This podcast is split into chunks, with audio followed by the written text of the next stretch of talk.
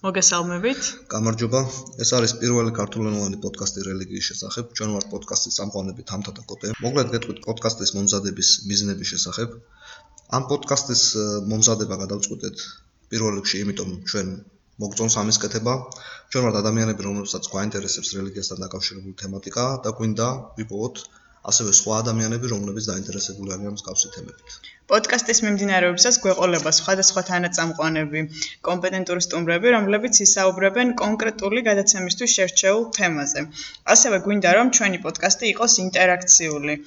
ან გულისხმობთ თქვენს ჩართულობასაც, მოგწეროთ და გვიკომენტაროთ თქვენი მოსაზრებები, ასევე შენიშვნები და რაც თავარია იდეები მომავალი გადაცემის შინაარსთან დაკავშირებით, რასაც აუცილებლად გავითვალისწინებთ მომზადების პროცესში. რაც შეეხება პირველი გადაცემის თემას, ბევრი ვიკითხეთ რა შეგვეჩია პირველი პოდკასტისთვის, თუმცა საბოლოოდ გადავწყვიტეთ აგვეღო ზოგადი თემა, რელიგიის ფენომენი და მისი ფუნქცია სამყაროში. დავიწყებ ზოგადად რელიგიის წარმოშობიდან, ვიდრე თანამედროვე პოსტმოდერნულ საზოგადოებამდე და განვიხილავთ რატომ არის ან რატომ იყო წარსულში რელიგია მნიშვნელოვანი კაცობრიობის ცხოვრებაში. მიუხედავად იმისა, რომ ბევრი საყოველთაოდ აღიარებული მეცნიერი მაგალითისთვის ისეთები როგორც არიან ოგიუსტ კონტი, თუნდაც ან კარლ მარქსი და მრავალი სხვა, ასევე წინასწარმეტყველებდა რელიგიის ფენომენის გაქრობას და მის ჩანაცვლებას სხვა ინსტიტუციების მიერ. თუმცა თანამედროვე საზოგადოებაში ჩვენ შეგვიძლია ვთქვათ, რომ მათი ეს წინასწარმეტყველება არ ახდა. და მაინც რატომ არის რელიგია კვლავ მნიშვნელოვანი ფაქტორი კაცობრიობის ცხოვრებაში? თუნდაც იმიტომ, რომ ადამიანს ყოველთვის აწუხებს მუდმივი კითხვები, რომელსაც ყველაზე კარგად რელიგია პასუხობს მიუხედავად არსებული მეცნიერებისა თუ ტექნოლოგიური პროგრესებისა. თუნდაც ან როგორ უნდა განსაზღვროთ რელიგია, რას ნიშნავს ის თვითონ, როდესაც თითოეულ ადამიანს საზოლა საკუთარი განსაზღვრება ჰქონდეს რელიგიისგან, რას ნიშნავს თვითონ ეს ტერმინი, ამ დონეზე შეგვიძლია განმარტოთ როგორც დაკარგული კავშირის აღდგენა, რადგან რელიგია ნიშნავს willing, ანუ იგივე შეკავშირებას ადამიანსა და რაიმე მასზე ზემოთ მდგომ არსება დავარქვათ თუნდაც ან რაიმე სხვა სახის ტრანსცენდენტალურ ძალასთან ძალას შორის. რა თქმა უნდა. თვითონ ან ყველაზე მარტივად რო ახსნათ ეგრეთ წოდებული პრიმიტიული რელიგიებიდანაც რომ მოვიყვანოთ მაგალითი რელიგია ნიშნავს ზებუნებრივი ძალების რწმენას უძველესი დროიდან ადამიანებს ჰქონდათ გარკვეული ძალების მიმართ რწმენა, იქნებოდნენ ეს ჯადოქრები თუ მაგები, რომლებიც კონკრეტულ რიტუალებს ატარებდნენ, თუნდაც იმიტომ, რომ ან ამინდის შეცვლილიყო, ან თქვათ მოსავალი მიიღოთ და ამისთვის კონკრეტულ ხერხებს მიმართავდნენ. რელიგია განისაზღვრება როგორც წმინდასთან ურთიერთობაც თუ შევხედავთ რიტუალური თვალსაზრისით მივიღებთ შესაბამის განმარტებას რომ რელიგია შეიძლება რაღაც რიტუალების ერთობაც იყოს რაც საზოგადოებას უფრო მეტად კრავს მაგალითად სოციალური მსახურება სხვადასხვა ტაძრებში და ასე შემდეგ. თუმცა სამეცნიერო ლიტერატურაშიც რელიგიის უამრავი განმარტება არსებობს. მაგრამ რა თქმა უნდა რელიგიის განმარტების საკითხი გაცილებით უფრო სერიოზულია და მნიშვნელოვანიც არის ადამიანის ცხოვრებისთვის, გამომდინარე იქიდან, რომ რელიგია როგორც აღნიშნა, ადამიანის იმ მარადიულ კითხვებს მიემართება, რაც ადამიანს მუდამ აწუხებდა და მიუხედავად იმისა, რომ სხვადასხვა მეცნიერული თეორიები, როგორც იყო ევოლუციონიზმი, ან თუნდაც მარქსიზმი, ადამიანის ცხოვრების მოწყობის თავის სურათს თავაზობდა, ადამიანის ყოველთვის რჩებოდა ნაკლოვანების განცდა.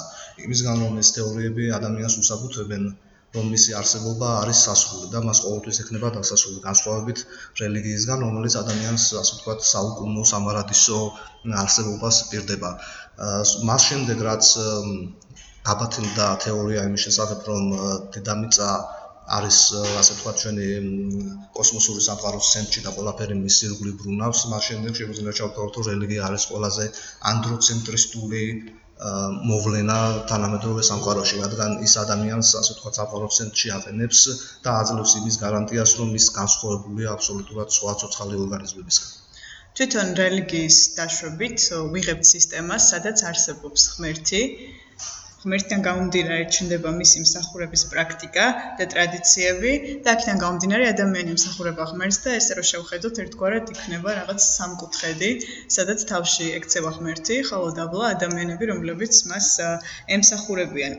თვითონ რელიგიური ტრადიციების შიგნით რა თქმა უნდა ბევრი სხვაობა და რომელიმე კონკრეტული ადამიანი ვინც რაიმე რელიგიას მისდევს მას არ სჭირდება თვითონ ამ ტრადიციის და რელიგიის კითხვის ნიშნები, კითხვის ნიშნების დასმა უფრო სწორად, ან მათი ეჭქვეშ დაყენება რაც მოდა და მათი გადააზრება, რადგან მას თვითონ რელიგიას თავაზობს კონკრეტულ მსოფლმხედველობას და რაღაც ძირითად პრინციპებზე აგებულ სისტემას, სადაც ყველა პასუხი თითქმის მას უკვე აქვს მრავალგვარ საკითხებზე. აქვე უნდა ითქვას, რომ ზოგიერთი ლიბერალური თეოლოგი თუ სასულიერო პირი გარკვეულწილად აფართოებს ამ სისტემურ ჩარჩოს, რომელსაც კონკრეტული რელიგია თავაზობს ადამიანს და ეს გაფართოება ხშირ შემთხვევაში იმდენად ფორმას უკარგავს ამ ტოტალურ სისტემას, რომ ფაქტობრივად შეიძლება ითქვას, რომ არ ღვევს კიდევაც ამ სისტემას და ასეთი ლიბერალური თეოლოგების თუ სასულიერო პირების წინააღმდეგ მიმართული კრიტიკა ზოგ შემთხვევაში გამართლებულიც კია, რადგან ზოგჯერ ისინი ცდებიან კონკრეტული რელიგიის მიერ დადგენილ ჩარჩოებს. თვითონ რაც შეეხება რელიგიას და მის კომპონენტებს, მინდა გამოვყო ერთ-ერთი ფუნდამენტური კომპონენტი, რადგან ესე ვთქვათ, დგას რელიგია, ეს არის მსხვერპლ შეწირვა. თვითონ მსხვერპლ შეწირვა უძველეს რელიგიებშიც გვხდება, სადაც უშუალოდ ადამიანებს წირავდნენ მსხვერპლად კონკრეტული რაღაც ღვთისგან წყალობის მისაღებად. თვითონ მსხვერპლ შეწირვა არის არც მეტი არც ნაკლები სიცოცხლის გაღება, ან რაიმე ღირებულების გაცვლა უფრო დიადი ღირებულების მისაღებად. არსებობს კონკრეტული თეორიები მსხვერპლ შეწირვის საკითხის გარშემო.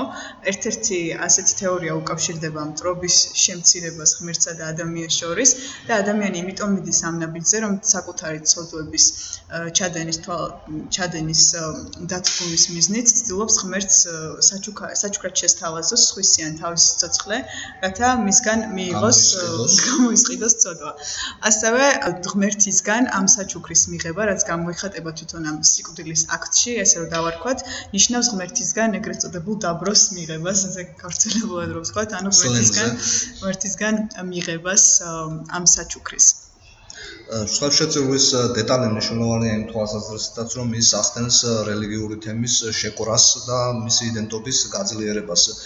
ჩვენ ვისაუბრეთ რელიგიის განმარტების სხვადასხვა გზებზე, თუ რას ნიშნავს რელიგია და ვახსენეთ, რომ მნიშვნელოვანი ერთ-ერთი მიზეზი არის ტრანსცენდენტული ძალების წმენა, თუმცა ჩვენ ვერ ვიტყვით, რომ ცალსახა ტრანსცენდენტული ძალების წმენა ნიშნავს ადამიანის რელიგიურობას, გამომდინარე იქიდან, რომ არსებობენ ადამიანები ან არსებობდნენ წარსულში, რომლებსაც შეიძლება სხვადასხვა ზებუნებრივი ძალების თუ ზებუნებრივი ძალების მატარებელი არსებების არსებობის როგორც არის მაგალითად ფერიები თუ ჭინკები, მაგრამ ჩვენი ადამიანებს რომლებიც ამგვარ კატეგორიების ჯერათ ვერ ჩავთვლით სასახად რელიგიურ ადამიანებად.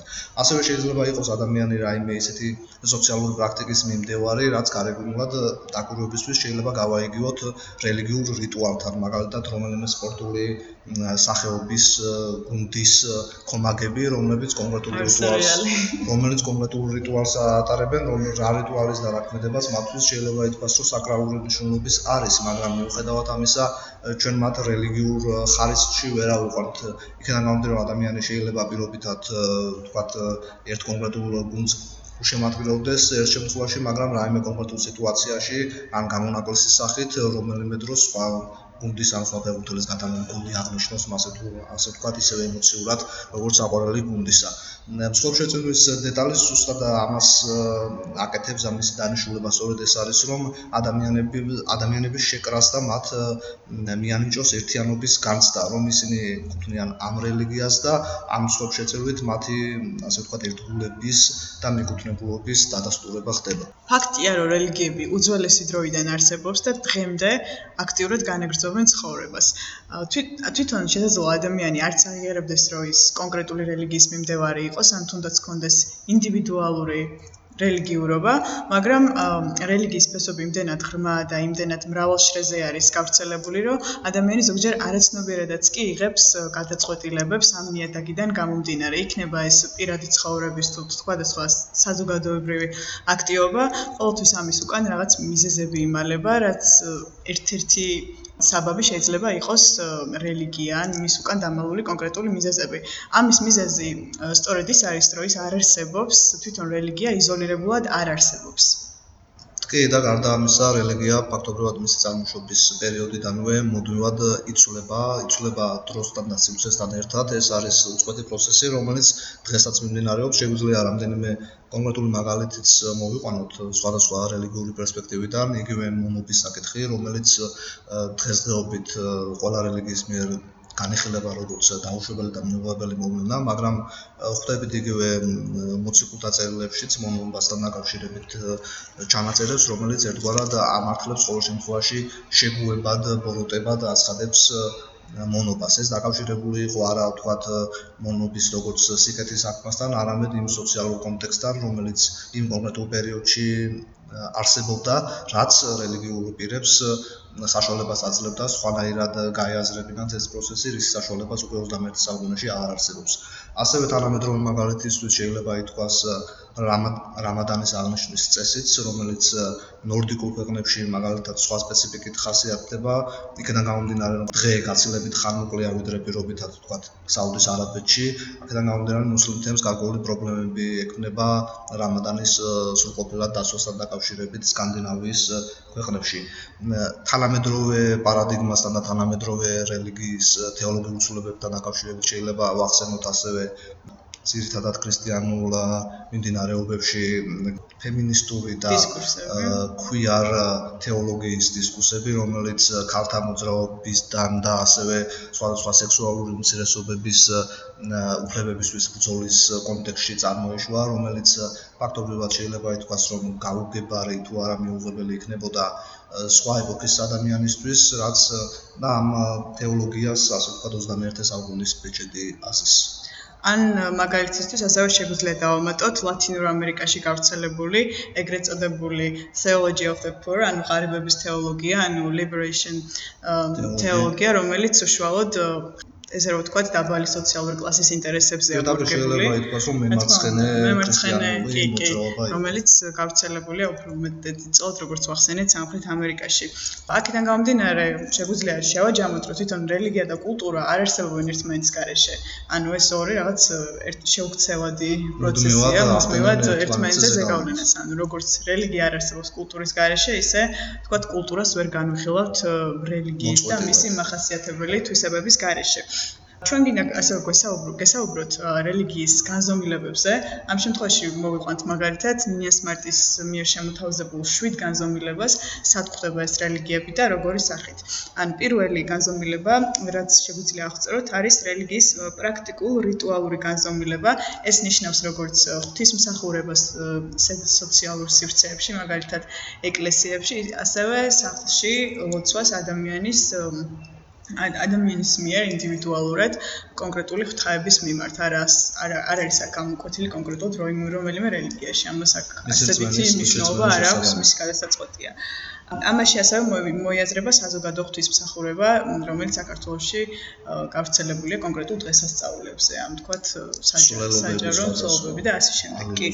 ასევე შეიძლება მეორე განზომილება ჩავთვალოთ ემპირიულ ემოციური კატეგორია, სადაც ადამიანი უშუალოდ მაგალითად რაიმე პრაქტიკულ პრაქტიკულ რიტუალს ახორციელებს, როგორც შეიძლება იყოს მაგალითად მედიტაცია, ან თუნდაც უკვე აღნიშნული ლოცვა, რომელსაც აქვს ადამიანისთვის ემოციური მნიშვნელობა და მას არ სჭირდება რაიმე კონკრეტული სოციალური ინსტიტუტი ამ პრაქტიკის განსახორციელებლად და ეს ყველაფერი თვითონ ადამიანი ადამიანში ხდება და მის სულიერ სამყაროში ასე ვთქვათ. შემდეგ განზომილება არის ნარატიულ მითოლოგიური განზომილება, რომელიც ძირითადად ეხება საკრალურ ტექსტებს. როგორც ვიცით უკვე, ანუ საკრალური ტექსტები ნიშნავს წმინდა ტექსტებს, როგორც არის მაგალითად ბიბლია, თალმუდი, თორა და შემდეგ და ამ მითოლოგიურ ნარატივში სადღაც ასევე მათი ინტერპრეტაციები და შემდგომი უკვე რეინტერპრეტაციებიც განვიხილოთ, რაც დიდი დებატების და მსჯელობის საგანია. მეოთხე განზომილება სკოლა რელიგიას აქვს ასე თქვა თავისი საკრალურ ტექსტების მიერ იგივე ხასიდური თქვა იგივე ისლამშიც და ასევე ბუდაზეც უამრავი ისტორია არსებობს რომელიც ზოგიერთი ბუდისტისთვის ან რომელიმე რელიგიის მიმდევარისთვის ასევე ძვირფასი ისევე ძვირფასია როგორც საკრალური ტექსტები ასე თქვა ალტერნატიული წყარო წმენის რომელიც ატარებს კონკრეტულ სიმბოლურ მნიშვნელობას და ეს ხშირად ასახლას პოვებს ხოლმე თვითონ ამ რელიგიის ხელოვნებისეულ გამოხატულებაში, როგორც შეიძლება ჩავთვალოთ რაღაც ხატები ან კონკრეტული მოხატულობები აშრამებსა თუ ტაძრებში ან თუნდაც მუსიკალური საგალობლები, რომლებიც შესაძლოა ისეთ სიმბოლიკას მოიცავდეს, რაც თქვა თეოლოგიური დისციპლინისთვის არ იყოს ახლობელი, ჩარჩოში ვერ ექცეოდეს მართალია. მეოთხე განზომილება, რაც უნდა აღვნიშნოთ, არის დოქტრინალური ფილოსოფიური განზომილება, ანუ თვითონ რელიგიის ასახვა ფილოსოფიაში, მსჯელობა და დებატები მის გარშემო და ასევე აქვე ქრისტიანული პერსპექტივით შესაძლოა გავაერთიანოთ ღვთისმეტყველება, ისევე როგორც სხვადასხვა ქრისტიანული თუნდაც მართლმადებლური ან კათოლიკური და ასე შემდეგ. კიდევ ერთი განზომილება, რომელსაც ნინიას მარტი აღნიშნავს, ეს არის ეთიკურ სამართლებრივი განზომილება. თანამედროვე საქართველოს ხშირად მომისმენია ესეთი პოზიცია, რომ სამართალი თითქოს რაღაც განყენებული არის მორალისგან, იმ კონტექსში, რომ მართალია სამართალი რაღაცას არ გვიგზავნავს, მაგრამ ჩვენი მორალი ამას გვიგზავნავს. ამბობენ ესეთი ადამიანები, თუმცა საკმაოდ იშვიათი ყოფილა კასობრიობის ისტორიაში ისეთი სამართლებრივი ნორმები, სამართლებრივი სისტემა, რომელიც დაშორებული ან მოწყვეტილი ან იზოლირებული იყოს რელიგიური ნორმებისგან და აქედან გამომდინარე მორალისგან. ესეთი მაგალითი არ ვიცი, რთული გასახსენებელია, შეიძლება თქვათ პარალელისტვის ან მხოლოდ ჰიტლერ ჰიტლერის გერმანია ან სტალინის კომუნისტური რეჟიმი შეიძლება ჩავთვალოთ ასე რელიგიურ დოგმებისგან გამოცლილ სამართლებრივ სისტემას, თუმცა ესეც საკამათო იქნებოდა. უნდა ითქვას რომ ძირითადად ის სამართლებრივი ნორმები რაც საქართველოსში თუ ნებისმიერ სოფლიოს კუთხეში არსებობს ამჟამად ატარებს ასევე რელიგიურ ნიშანთვისებას ან წინააღმდეგობაში ყოველ შემთხვევაში არ მოდის რელიგიურ დოგმებთან კიდევ ერთი განზომილება ნიას მარტის მიერ ეს არის სოციალური ინსტიტუციური განზომილება ბუნებრივია რელიგია თავისი განვითარების პროცესში იცვლება იმ სტილად რომ შეიძლება ის თავი თავიდან იყოს გარკვეულად მცირე მასშტაბიანი ან ინდივიდუალური ან ერთი ოჯახის ან ერთი კონკრეტული სოფლის წიაღში წარმოშობილი თუმცა რაოდენობრივ დასთან ერთად პრაგმატული მიზნებიდან გამომდინარე ამას სჭირდება გარკვეული მოწესრიგება იერარქია რომელსაც ადამიანებს ექნებათ კონკრეტული ფუნქციები რომ რელიგიურმა თემმა შეძლოს რელიგიური რიტუალების რელიგიური პროცესების წარმართვა ბოლო განზომილება, რომელიც მატერიალური განზომილებაა, მატერიალურ განზომილებაში იგულისხმება ის საგნები, ნივთები, რომლებიც რელიგიური ღვთისმსახურებისთვის გამოიყენება, მაგალითად,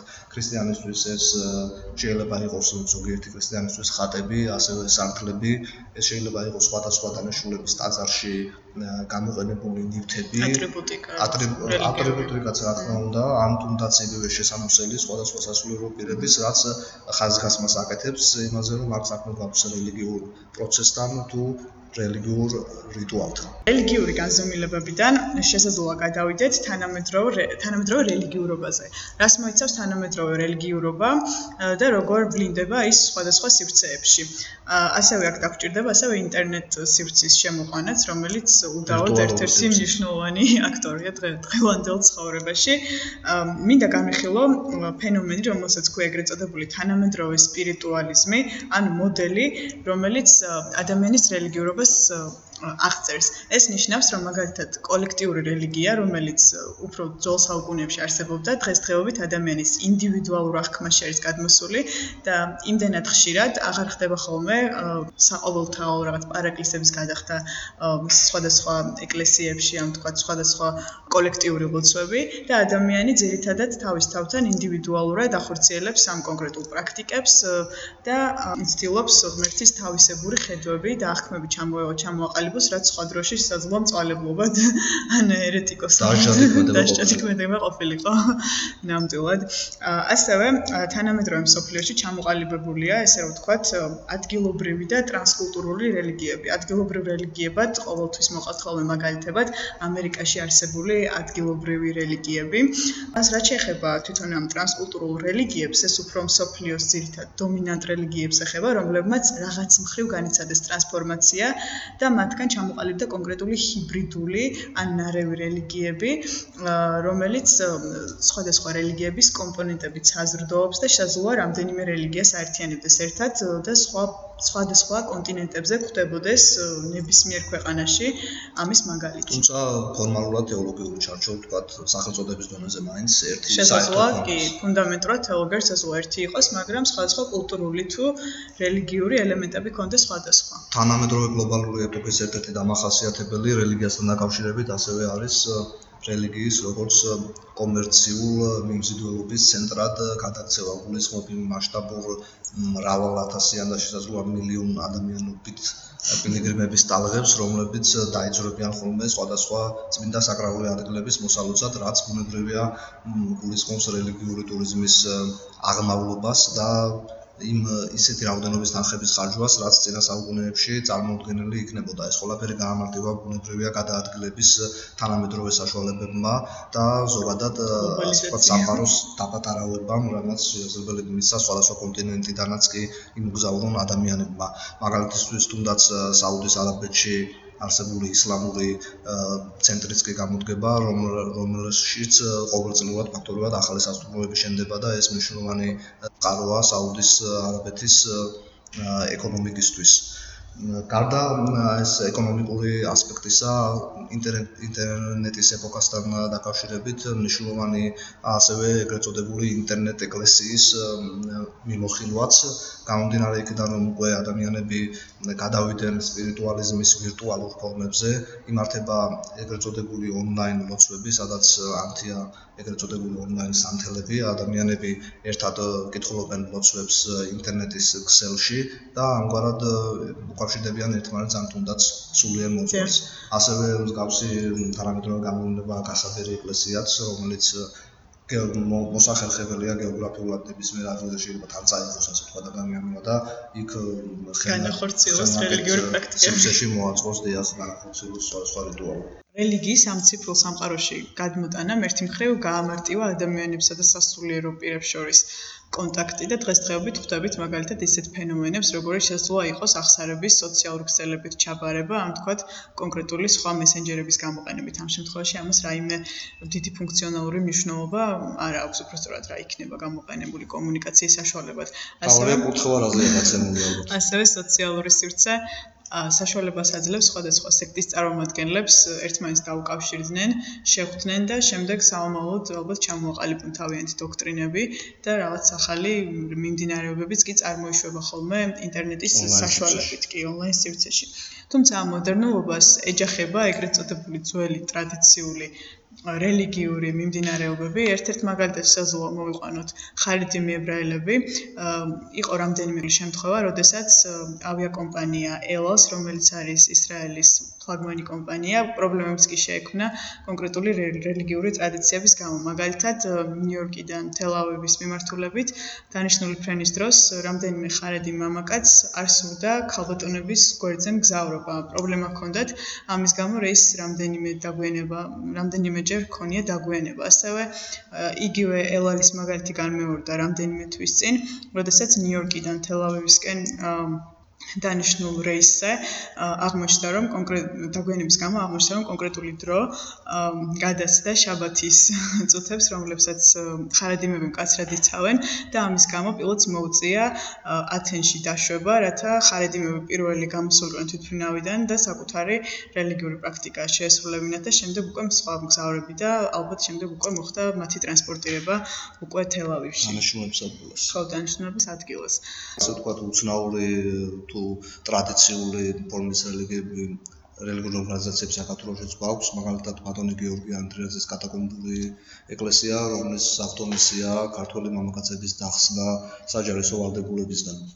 მოკლედ დღეს ჩვენ შევეცადეთ თქვენთვის გაგვიზიარებინა რელიგიის არსისა თუ მისი ფუნქციონალური მნიშვნელობის შესახებ ინფორმაცია, რა თქმა უნდა, პოდკასტის ფარგლებში, ასევე ვისაუბრეთ მის განზომილებებსა თუ უკვე ციფრულ სამყაროში ადაპტაციაზე.